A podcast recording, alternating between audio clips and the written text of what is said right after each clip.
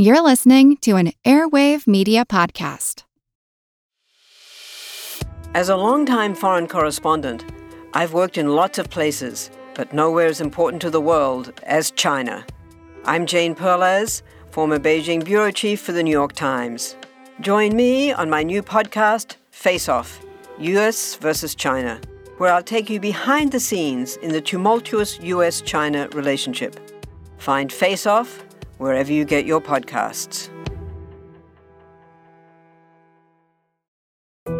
We all know how important it is to keep your eye on the money, and not just your own. Stay on top of the latest financial and market news with Yahoo Finance, a podcast that releases new episodes almost every day.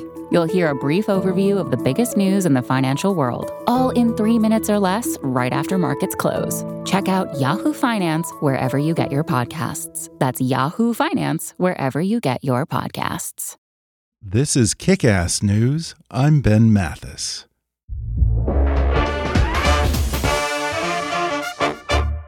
Kick Ass News is brought to you by Capella University. Are you considering a doctorate to help you lead at the top of your field and contribute to your profession in more meaningful ways? Capella University can help. With flexible online degree programs and scholarship opportunities for select programs, Capella can help support your goals from beginning to end. Learn more at capella.edu/kick. Support for today's show comes from the Life is Good Ping podcast.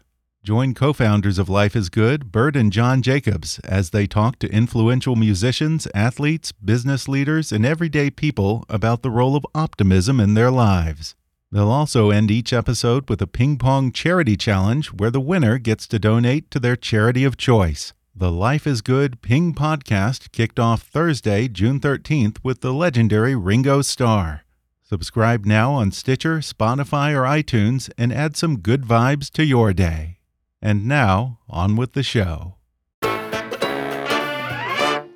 Hi, I'm Ben Mathis. Welcome to Kick Ass News.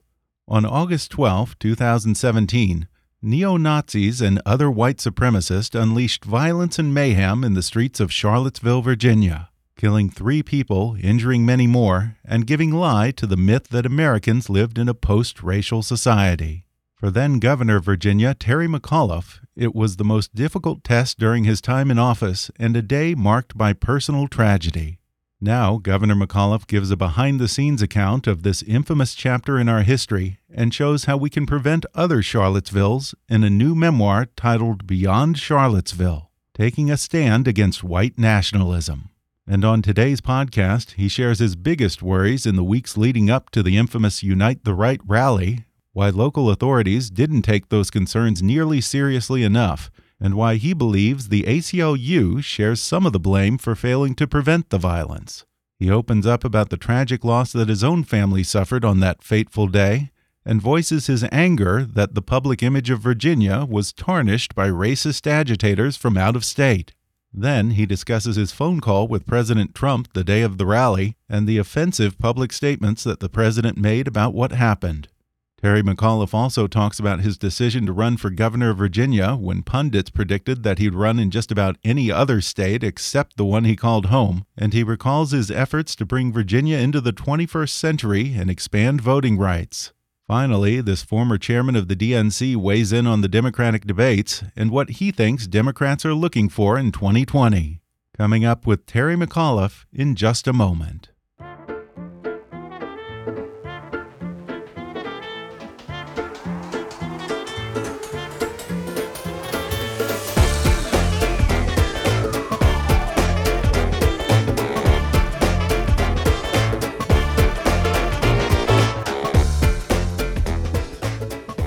Terry McAuliffe served as chairman of the Democratic National Committee from 2001 to 2005, co chair of President Bill Clinton's reelection campaign in 2006, and chair of Hillary Clinton's presidential campaign in 2008.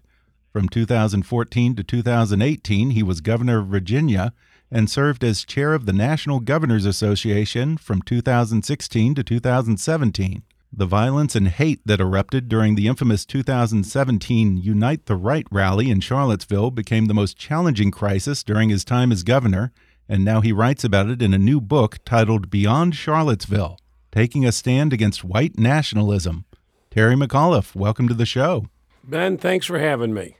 Well, before we get into Charlottesville, I want to give folks a little bit of a background on you. Uh, you've had this long career in Democratic politics, long relationship with the Clintons, but when you started thinking of running for office yourself, apparently you say that everyone speculated you'd run for governor of New York or Florida, just about anywhere but the state where you'd spent much of your life, Virginia. Uh, why do you think That's that right. was? Well, it was interesting. Dorothy and I had moved there 20 years before. We wanted to raise our five children. Uh, but I had, you know, been on television a lot, and people knew I was from New York. I owned a bunch of businesses in Florida, and when I announced I was running for governor, they sort of said, "Well, uh, this is a surprise to us. We thought you were going to be running in a different state." But you know, as I like to say, this is, you know, I didn't determine uh, where I was going to live and where I was born. My mother determined that for me. but when I had to make a decision, I chose Virginia. It's a great state, and I just thought we needed to move it in in a new direction. It's an old Southern state. When I became governor, I inherited a record deficit, turned it into a record surplus, record jobs. But I became a bulwark to protect individual rights. I was the first governor to perform a gay marriage. Uh, After the Supreme Court ruled, I restored more felon rights than any governor in American history. I did more pardons than any governor of Virginia, kept my women's health clinics open. You know, I was a very progressive governor, but also a very pro jobs governor.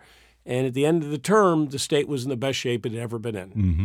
And, and I think you say that your stated goal when you took office was to drag Virginia into the 21st century. When you look at how companies and film productions are now threatening to flee states like Georgia and Missouri over restrictions on women's rights, do you see a greater urgency for states like Virginia to get with the times? Does it become more than just a social issue, but a matter of economic survival? Oh, no question, Ben. So if you go back to 2013, when I ran for governor, uh, Virginia had just passed the transvaginal bill, which made Virginia a laughing stock Right. on national television. Remember, Rachel Maddow and Yeah. Jon Stewart every night talked about it.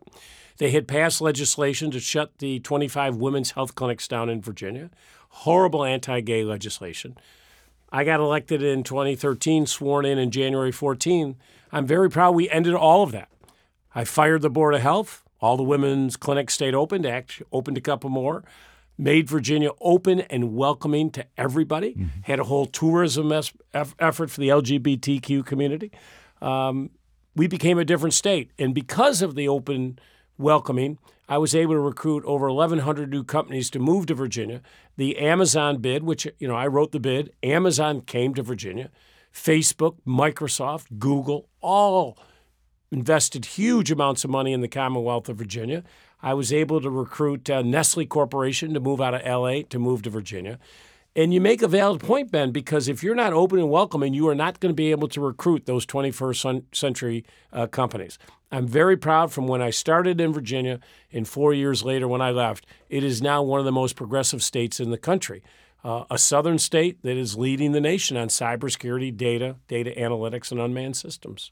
But it is an interesting state because I feel like it's as purple as it gets. I mean, socially and politically, Virginia's sort of hard to pin down because, yes, it's the South, but it's not the deep South. And in a lot of ways, it is progressive and a leader in tech, home to Fortune 500 companies. And yet, like you mentioned, it's been responsible for some very backwards restrictions on things like women's rights and voting rights. As someone who ran for governor twice, what's the secret to winning in a state like Virginia? Maybe there's a teachable moment here for some presidential candidates. Well, that's a great question. Uh, I've always believed that when you run for office or anything you ought to do, you ought to stick to what you believe in. Ben, I'm not a guy who ever takes polls. I'm not a guy who puts my finger up in the air.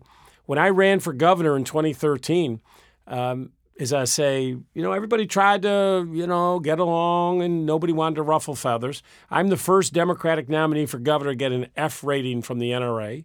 The NRA is based in Virginia. and it's an open carry state, right? Yeah, I said I wish I had a lower rating. I ran television commercials. I told women I would be a brick wall to protect their rights and stop all the insanity that the Republicans in the legislature had done. I believe I was the first candidate or statewide official in the entire South to come out for marriage equality. My point is, these are the things I believed in. Run on what you believe in. And if you win, you win. You lose, you lose. But you got to stand for convictions on the things that you actually believe in. Mm-hmm. And that's why when I ran for governor, I broke a 44 year trend to get elected. Whatever party wins the presidential election, we have the elections after the governor's race. Whoever wins the presidential, the other party wins the governor's race for 44 straight years. I broke that. Uh, statewide controlled all three, Republicans controlled all three statewide offices. When I ran, when I got elected, we controlled all the statewides. And under my four years, uh, we picked up a record amount of House of Delegate seats. Uh, we actually picked up 17 seats in my four years, which is the most in 144 years. We are a Democratic state today. Our problem, though, Ben, is we have elections every year. This year, our entire General Assembly's up. Eh, So people have to keep coming out year in and year out. But in a presidential year with a high turnout, we're as blue as blue can be. Mm-hmm. We're the only state that went for Hillary in the South. The governor in your state is limited to only one term. So, how did you keep from being a lame duck? Did you find that you had to try extra hard to work with the legislature to get things done? my personality was that I was going to do. I think for some they say they got to really lean in because I only got four years. You know, mm-hmm. that's just my personality. I was going to do that whether I had four years or I had hundred years. It didn't matter to me. Uh, but you know, you I tried to work with the legislature. I got seventy plus percent of my governor's legislation passed through a Republican legislature. Outside of the social insanity that they had, the anti-women, anti-gay stuff. Outside of that, you know, we got along pretty well. We had the high, largest investment in K 12 in the history of Virginia. We did it in a bipartisan way. Uh, my economic development projects, I worked with the Republicans. We were the first state to end veteran homelessness in our state. Um, so I worked with the Republicans on a lot of issues. The problem, Ben, is they get caught up in these gerrymandered districts, and they're terrified of the Tea Party that they'll show up in a small primary and defeat them. Yeah. And we got to get rid of these gerrymandered districts. We got to get people back to the place where we actually can work together to get things done for the folks we actually represent. I know that's a novel idea. You mentioned a moment ago that as governor, you took on the ban on felon voting in your state, something that's often seen as Yep. unfairly disenfranchising minorities. You signed an executive order to restore voting rights, but then it was shot down in court based on a, I think, a pretty flimsy argument. Yep. Your response was then to do something pretty extraordinary. You individually signed over 200,000 individual requests to have voting rights restored That's right. as time consuming as something like that must have been, you just weren't going to be deterred, were you? Well, first of all, you understand in America, Ben, so your listeners understand. So in America today, in two states, you vote, you don't lose your voting rights. You actually vote when you're in prison in mm-hmm. Maine and Vermont. In 14 states, you vote, get, you get your vote back the second you walk out of prison. In the remaining states, you vote when you're out of prison, done with probation and parole. Virginia was one of 10 states that disenfranchised these felons. Virginia was one of three states that permanently disenfranchised it. So you lost your voting rights forever. And remember, in Virginia, if you steal something uh, over $200 or you commit anything over $200 is a felony. So if you steal groceries $202 and you're 18 years old, you lose your voting rights for the rest of your life. That's just not right. And in 1902, in Virginia, and really the 10 states remaining are the southern states. This is remnant of Jim Crow.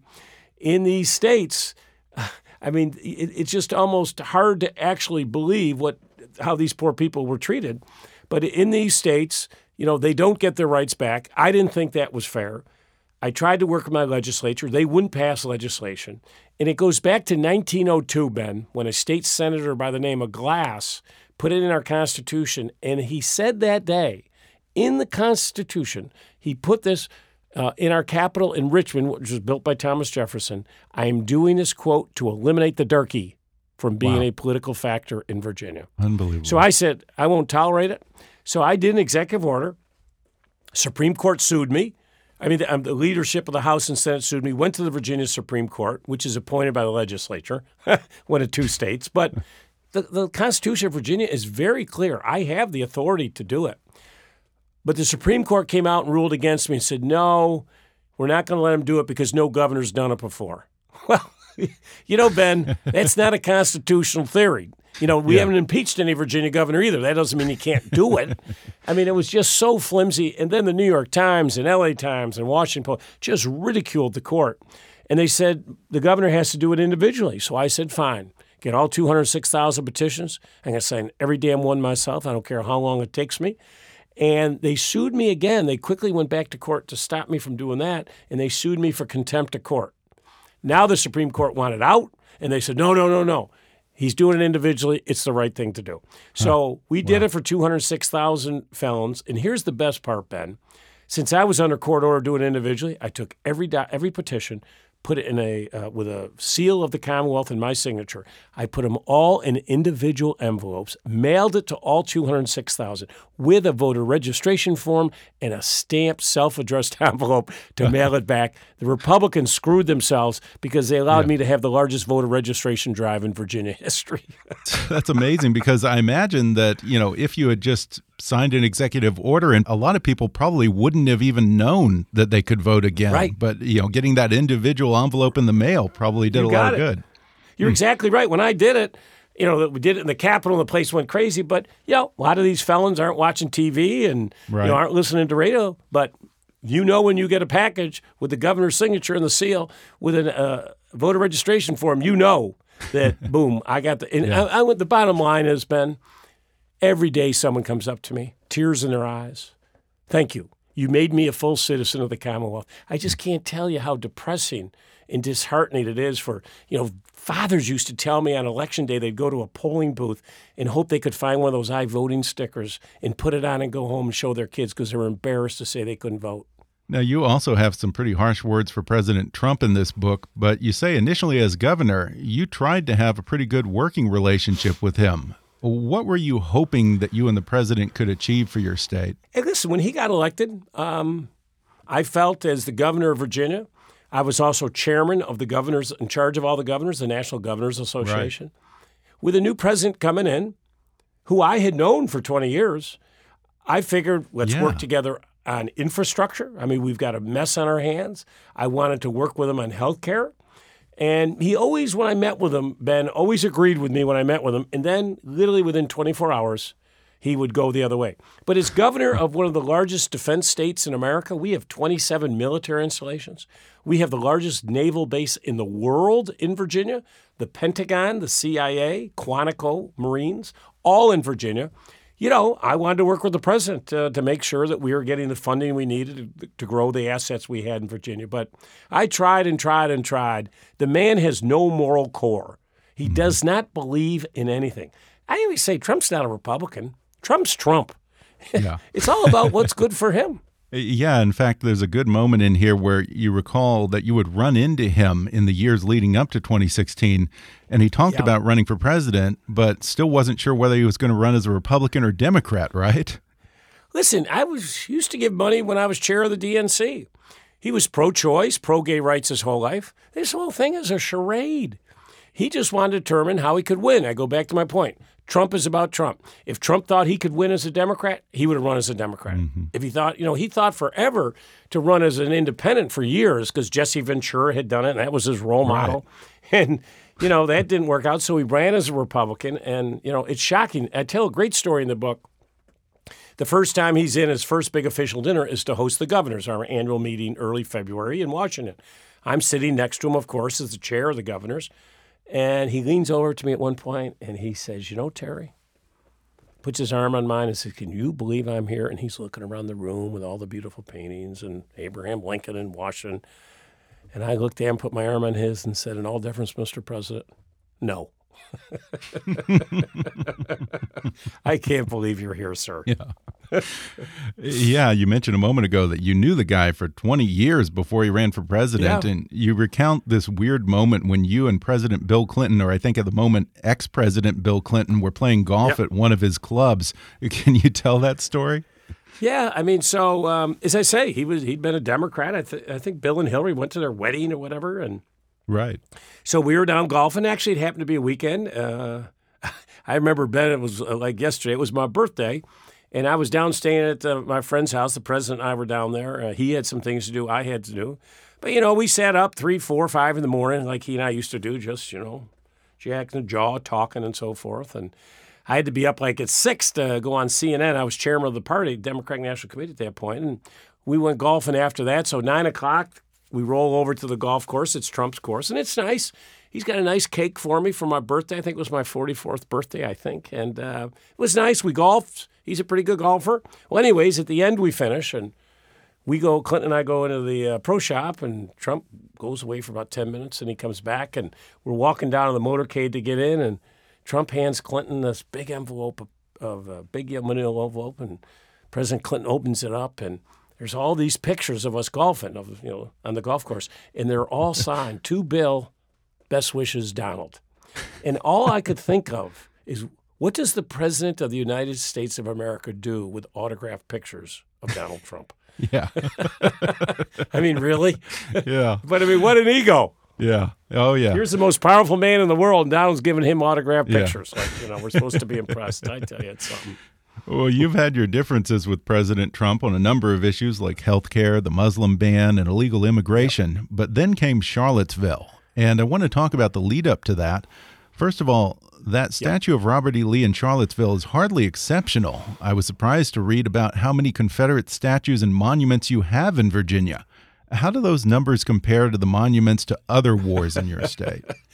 You know, I think people are going to find that fascinating when they read the book. And I go through the whole history of the monuments, which, let, us be clear, Ben, they are offensive to the African American community. Sure. Uh, as governor, I used executive authority. I took the, le- the Confederate flag off the license plate. Right. to the. African American community, this is a remembrance they were fighting for slavery. And they can today say whatever they want, but it is just plain offensive. These folks were traitors to the United States of America. So let's think of Virginia. The Revolutionary War started in Virginia at St. John's Church when Patrick Henry gave the famous speech to Jefferson and Washington Give me liberty or give me death. Mm-hmm. The Revolutionary War ended in Virginia at the Battle of Yorktown when they defeated General Cornwallis, and that was the end of it. So, pretty significant. I think we have two or three statues of the Revolutionary War. The war to end all wars, World War One, World War Two, biggest loss we had, less than a dozen. Really? The, Confe- the Confederate uh, Civil War, 358. Wow. Were most of those built during Reconstruction? Many of Yeah. them were built, good point, uh, during massive resistance. Well after the uh, Civil War had ended in 1865. And it, they're just horrible remembrance. And we have so many of them. And as I say, they just plain are offensive. And what I say in Virginia is give lo- you know, local uh, jurisdictions cannot make a decision on their own. State law prevails, and the Republicans in the legislature are never going to take them down. I think localities ought to make a decision if they want to put them in a cemetery or they want to put them in a museum. They ought to do that. But you know what? I, I worked hard to make Virginia open and welcoming and as diverse as possible because diversity, you know, it's a mosaic tile, it makes you stronger. And when you have offensive symbols, people don't want to come to your state or they don't want to stay in your state. And that's just something I can tell you as governor is not what I wanted. And when the city council of Charlottesville voted to take down the statue, it was a fairly unremarkable event, didn't get much press coverage. So, how did it go from this non event to this big media controversy and rallying cry for racists? Well, earlier they'd also some of the leadership of Charlottesville said they wanted to be the center of resistance to President Trump, mm-hmm. which I can tell you as a governor, I don't want to hear that.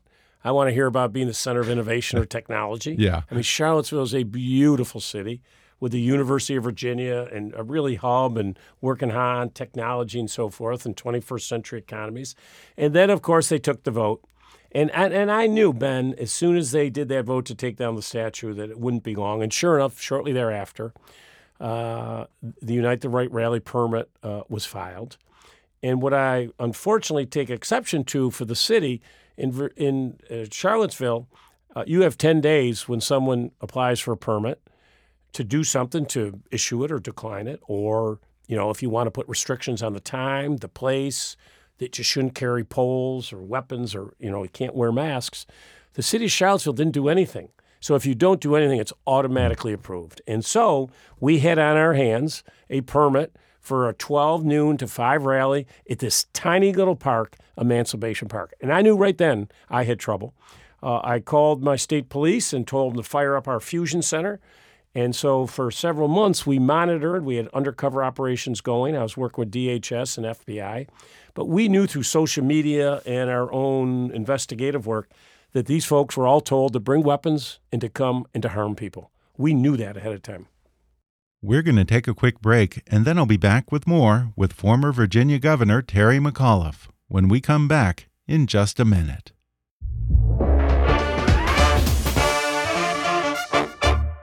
Studying for standardized tests doesn't have to be stressful, boring, or expensive. Magoosh Online Test Prep provides students everywhere with effective, accessible, and enjoyable test prep for exams like the GRE, GMAT, LSAT, MCAT, and SAT. At magoosh.com, you'll find tons of practice questions, study schedules, video lessons, and access to an expert tutor team if you need extra help. If you're retaking a test, Magoosh offers a score improvement guarantee. If you don't improve, you'll get your money back. Study materials are always up to date and super relevant to the questions you'll see on the actual tests. Students who've used Magoosh love it. One student who used Magoosh to improve his GMAT verbal score by six points says, My quant skills were already good, but I needed to improve my verbal score. The question sets and explanations are amazing.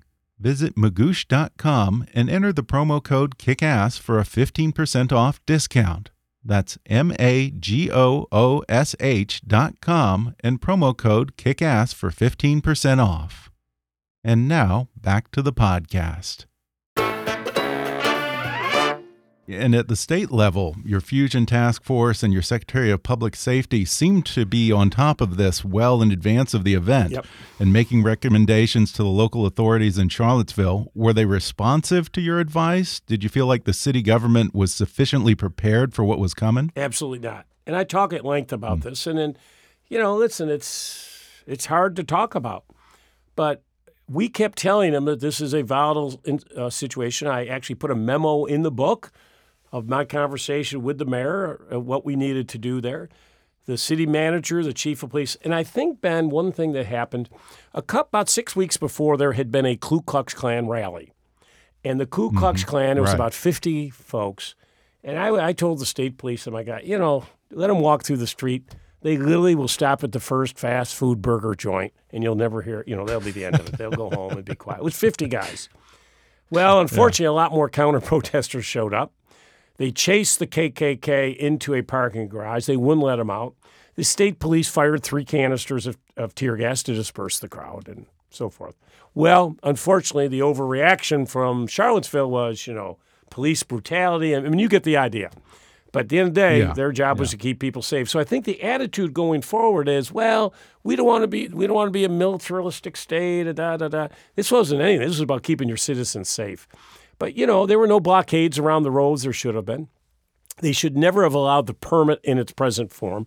The the, the Emancipation Park is a very small park, Ben, and the idea you're going to have a thousand armed neo Nazis and white supremacists potentially 2,000 counter protesters, literally trying to fit them in your backyard. It was a volatile mix.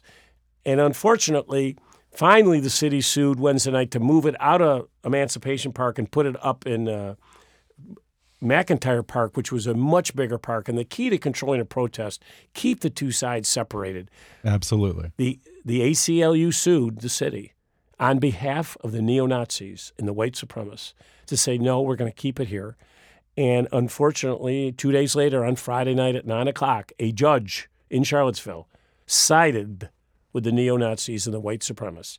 So instead of moving that up to the much bigger park where there could have been good crowd control, it was stuck in Emancipation Park in downtown Charlottesville. It's like your backyard, and you have just signed a recipe for disaster.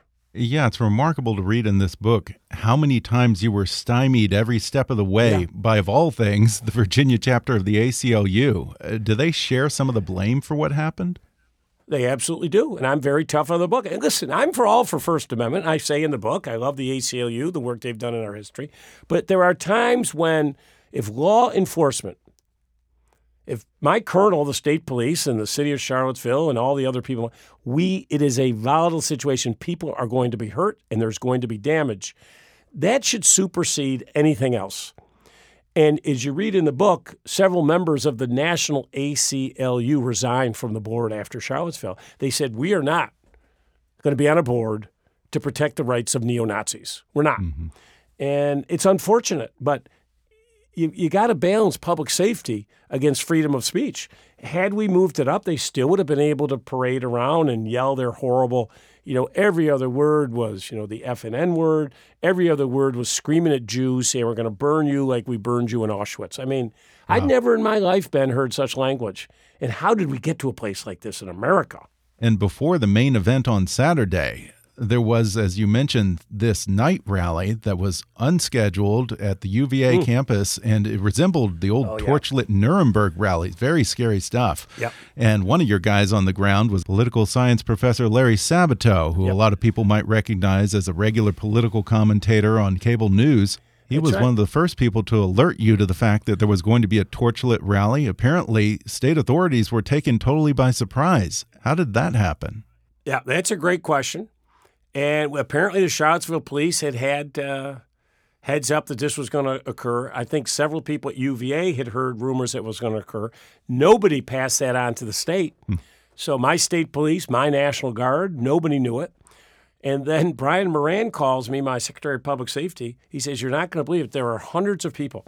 And Bennett was frightening. So, if you looked up, you know, there's a mountain right outside of UVA of Charlottesville, and all you could see, it was dark out was this long snake of individuals carrying torches, hundreds of them, screaming, Jews will not replace us, blood and soil, all the sort of things that they chanted in 1933 and 1934 uh, in Germany. Uh, it was very similar, and they had swastikas on, very militant, very abusive, uh, the things they said about women, I couldn't even repeat on this radio show. Mm. And that was the kickoff. And then they started throwing their torches, and it became chaos. But the state was not even informed of this. And that's why the next morning I had everybody on full alert. Uh, all my folks there. I had my all my teams there, but we still worked for the city because remember we're there in support. Mm-hmm. The city's in charge under Virginia law, yeah. and we have to take orders from the chief of police. But we're there to support, and we were there. But I kept getting reports from Brian Moran all morning and all morning. And finally, Brian Moran, I'll give him a tremendous amount of credit. I, did, I was not supposed to call a state of emergency. The city was first, and then I would file suit right. since I'm there in support. But things got so out of hand at uh, about 11:15, Brian Moran went to Colonel Flaherty and basically said, "You got to call the governor. He's got to declare." And I understand Colonel Flaherty. You know, law enforcement likes to work with fellow law enforcement. He was sensitive to the chief of police of Charlottesville, and Brian just said, "Screw it." And he uh, went out, picked up the phone at about 11. Uh, 18 called me up and said, Governor, you need to call state emergency. This situation is out of control. I immediately said yes. I immediately authorized uh, a state of emergency and uh, officially signed, gave the verbal and signed the order immediately. And the state police moved to the park and told them they had 11 minutes to disperse, which they did. We cleared the park in 11 minutes, and the state and then the National Guard went in and secured the park. We thought at that point, Ben, everything was fine. Uh, no property damage. We'd had fistfights and skirmishes going on, but nothing serious, no serious injuries at this point and I felt pretty good. So I'd cleared the park, and the rally was over even before it was, it was supposed to begin from noon to five. But by eleven forty-five or whatever, the park was clear. And then, boy, about an hour later, couldn't believe it. Uh, yeah. Brian Moran calls me up, says, "You've got the TV on?" I said, "Yes," but they hadn't shown it yet. He said, "A car just ran into the crowd." I said, "Has anybody been killed?" Yeah. He said he didn't know. And then within ten minutes, the state police got a hold of me and told me that Heather Heyer had been killed, yeah. a 32 year old woman, and, and, injured dozens of people. Yeah, and aside from the tragic death of Heather Heyer, you and your family also suffered two personal losses that day. Can you talk about that? Yeah, I got to tell you, it was the toughest uh, day of my life. So I had flown down from Northern Virginia. They didn't want me actually on site because you don't want the governor breathing over you. You know, you let your law enforcement do what they need to do. And they knew me very well. I'd wander out in the crowd, and they didn't want security. And so I was in Northern Virginia, and so I flew down on my helic- on, on a Fairfax helicopter because this uh, Trooper One, the state police helicopter that I always use, was there doing surveillance. So I landed and had a big motorcade for me with a lot of security because of all the issues going on. And as we began rolling into downtown Charlottesville, uh, the head of my security detail, Mark Wiley, said, There's an aircraft down. That made me a little concerned because as I flew in on the Fairfax County helicopter, they pointed out, they said, Governor, there's Trooper One, there's your pilot over there doing surveillance. But I didn't see any other aircraft. But, you know, maybe at the airport, I had an uneasy feeling. So we continued on, and then I went to go down. We're going to do the press conference. And so I'm in waiting to go out. And because Trump had so, I mean, we haven't really gotten, I mean, Trump fumbled the ball beyond belief when he said it was both sides. And so I knew I had to come out, Ben, that time and speak for Virginia, speak for the country, and speak for the world and tell these neo Nazis, white supremacist racists to get out of my state, to get out of our country, and there's no place for them here. But just before I went out, and I knew this was going to be a very important speech for me to give because Trump had so fumbled it and had embarrassed the nation and had failed in his moral leadership, they informed me that the helicopter indeed had gone down and that both Lieutenant Jay Cullen, my pilot, and Trooper Pilot Berke Bates, uh, who had been on my security details, had been killed. And it was so hard because Berke Bates had, as I say, you know, part of your personal security detail for the state police, you have 20, they're with you 24 7. Right. They're with your kids. They, you know, they hear everything, they see everything. They become part of your family. And I just felt like I had been kicked so hard in the gut. But I knew, Ben, I had to go out with all these cameras and do what I needed to do. I talked to my wife, Dorothy, who was in Northern Virginia. She was just beside herself because, as I say, so close to Berke Bates. And they were there was a lot of concern because my phone had died on the helicopter down. And when the word went down that Trooper One, the state police helicopter the governor uses, crashed, for a while there, they all thought I had gone down in, in that helicopter. Nobody knew I was in a different helicopter. So mm-hmm. the whole was just a very tough. And then, you know, I went up back to Richmond and I went to see the Cullen family and I went to see the Bates family. Both have two young children. It just, I tell you, Ben, it was. Uh, I wish these people had never come into our state. I wish they'd never had the rally. But I will say this Virginia, uh, Virginia and Charlottesville, we will come out stronger. They will make us stronger. We're not going to let this hatred hold us back. Yeah. Uh, did it anger you that all over the world, this was the impression people were getting of the people of your state, even though many, if not most, of these troublemakers actually came from out of state? Yeah, they did. They came from 35 states. But yeah, uh, this this was my Ben, going back to what I said to you earlier when they talked about being the center of resistance, uh, you, you no nobody wants this in their state. Nobody wants hatred. Sure. Um, it was such a volatile mix, and I hated it. Um, but what I really was bothersome to me was was Trump, who I talked mm-hmm. to on the phone. Yeah, explained to him what happened. Horrible people in the state. Here's what you need to do. I said, you know, Mr. President, this is an opportunity. I said Barack Obama had Charleston, Bill Clinton had Oklahoma City, George Bush had 9 11. The world, and especially those of us in America, are looking for moral leadership today to condemn these vile human beings who were saying the most disgusting things. And when I hung up the phone, Ben, I was sure he was going to do the right thing. And then we waited a half an hour, an hour, an hour and a half, two hours. I was waiting to do my press conference so he could do his. He said he was going to go right out and do it. And I know what happened. The White House got a hold of him. He was up in New Jersey at his golf course up there where he's going to do the press statement. And they got a hold of him. And they said, No, sir, Mr. President, you are not going to condemn neo Nazis. Hmm. That's not who you are.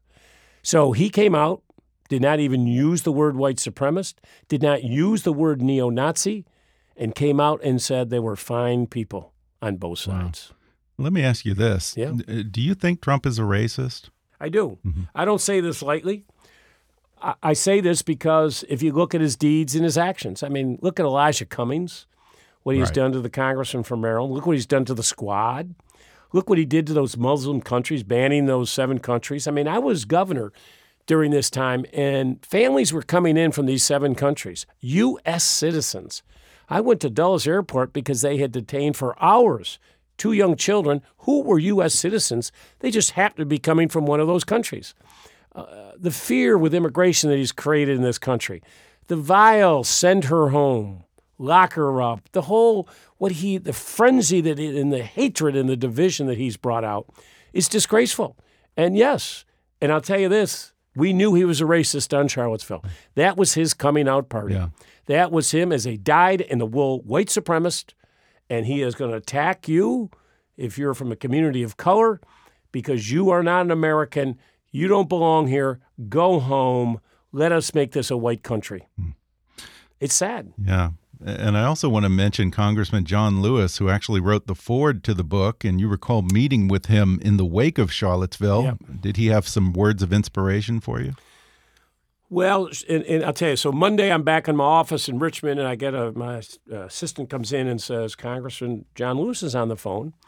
So I pick up the phone and we say hello, and he said, "Governor, I just want you to know that I watched your speech on Saturday night, and he said I started to cry because your speech moved me." And I thought, Ben, I mean, this is John Lewis, who leader of civil rights movement had been beaten up Yeah. constantly, almost lost his life, calling me to say that thank you for speaking up for those people who did not have a voice.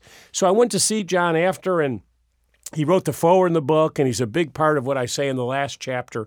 How do we go forward beyond Charlottesville? How do we? What do we have to do to end racism in this country?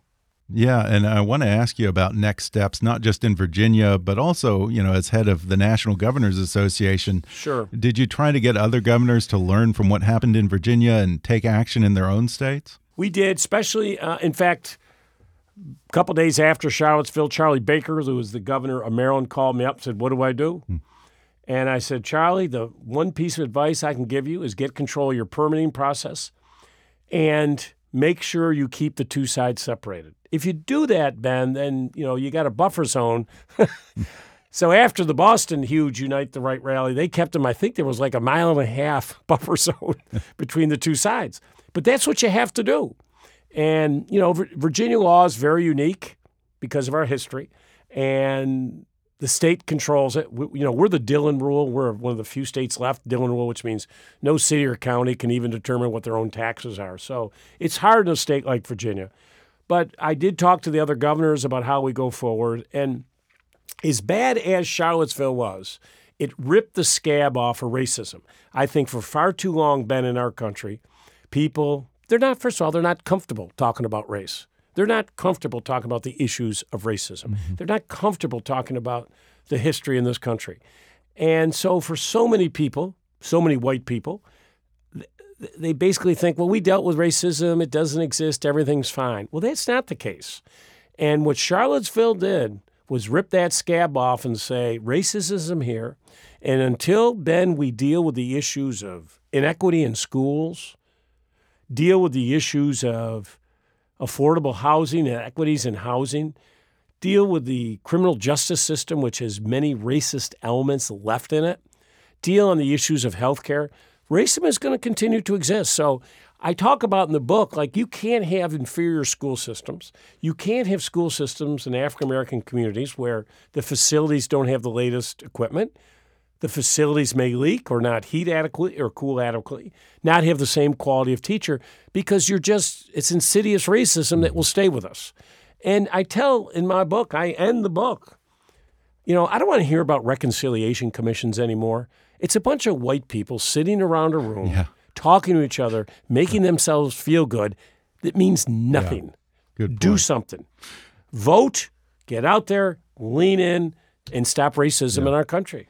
Well, speaking of voting, we're heading into another presidential election. Why aren't you running for the Democratic nomination? I thought long and hard. I traveled the country. I really wanted to do it. I thought a Southern Democrat born in New York, um, who took a huge debt, turned it into a huge surplus, record jobs, and was a just a brick wall leaning in to protect women's rights and so forth. I thought it was a good message that worked. And as we got closer, the field got bigger. They had 25. Um, I think Joe Biden was a little bit probably in a similar space to mine, Ben. But the other thing is, you know, as you know, we had issues in Virginia with our governor, lieutenant governor, and attorney general. And we have elections this year. And for the first time in 26 years, we could win the House, Senate, and have the governor. I had to make a decision. Do I get in here with a narrow window or do I come back home where, you know, everybody's asking me to come back and take over things and run them so we can win? I decided to do what I thought was where I could make the biggest impact. Mm-hmm. Something I've always done in my life. I'll go, it isn't about me. And in fairness, I think some of these candidates who are running for president maybe should have run for the Senate.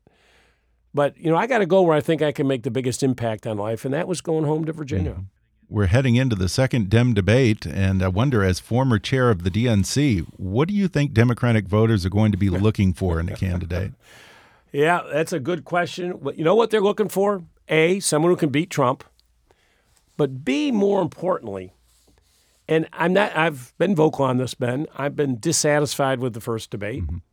I don't think they're addressing issues that the American public deals with every single day. You know, I never heard K 12 mentioned. I never heard infrastructure mentioned. I never heard cybersecurity mentioned. I never heard workforce development mentioned. We spend an inordinate amount of time chasing these shiny objects like Medicare for all or the new Green Deal people sitting at home saying, well, what is that? Mm-hmm. Am I going to lose my private insurance? We spent all this time saying that immigrants can come to this country. We're not going to charge them with any crime. Then we spent a time talking about how we can give every immigrant health care. And I understand we've got to take care of everybody, but this is what our debate was all about. And then they hear that, well, I may lose my health care because I got private insurance and under Medicare. For, so wait a minute, I'm going to lose my insurance, and we spent all this time. We're going to give it. Obviously, the folks coming in the country, something's wrong here. So yeah. let us lean in. People, I want a question. How are you going to fix prescription drug costs? I'm a father with a family of four, let's say. Tell me right now how you're going to bring the cost of these prescription drugs down. Give me a very specific way you're going to do it. What are you going to do on infrastructure? Give me specific. So I don't like to be overly negative because I'm a very optimistic person, but the Democrats better start leaning in and quit dealing with these ideological litmus tests and tell voters what you're going to do for them. Mm-hmm. And the last part, they need to tell people because of Charlottesville and other issues, how do we heal and how do we unite? Yeah. And I think those are the three big things that I want to see out of the upcoming debates. Yeah. Good advice. Well, again, the book is called Beyond Charlottesville Taking a Stand Against White Nationalism. Governor Terry McAuliffe, thanks for talking with me. Thanks, Ben. Great to be with you.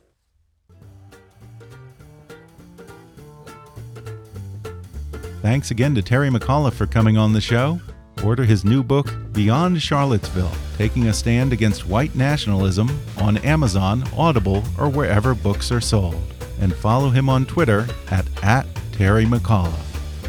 Do your career goals require you to take a standardized test like GRE, GMAT, LSAT, MCAT, or SAT? Magoosh Online Test Prep provides you with the tools you need to get a great score, like study schedules, up to date practice questions, video lessons, and support from expert tutors. Study anywhere, anytime on desktop or mobile. Visit Magoosh, M A G O O S H dot com and enter promo code KICKASS for a 15% off discount. Be sure to subscribe to Kickass News on Apple Podcasts if you haven't already and if you like what you're hearing, then rate and review us while you're there. Five star reviews are the easiest way for new listeners to find us. Don't forget to like us on Facebook and follow us on Twitter at, at KickassNewsPod.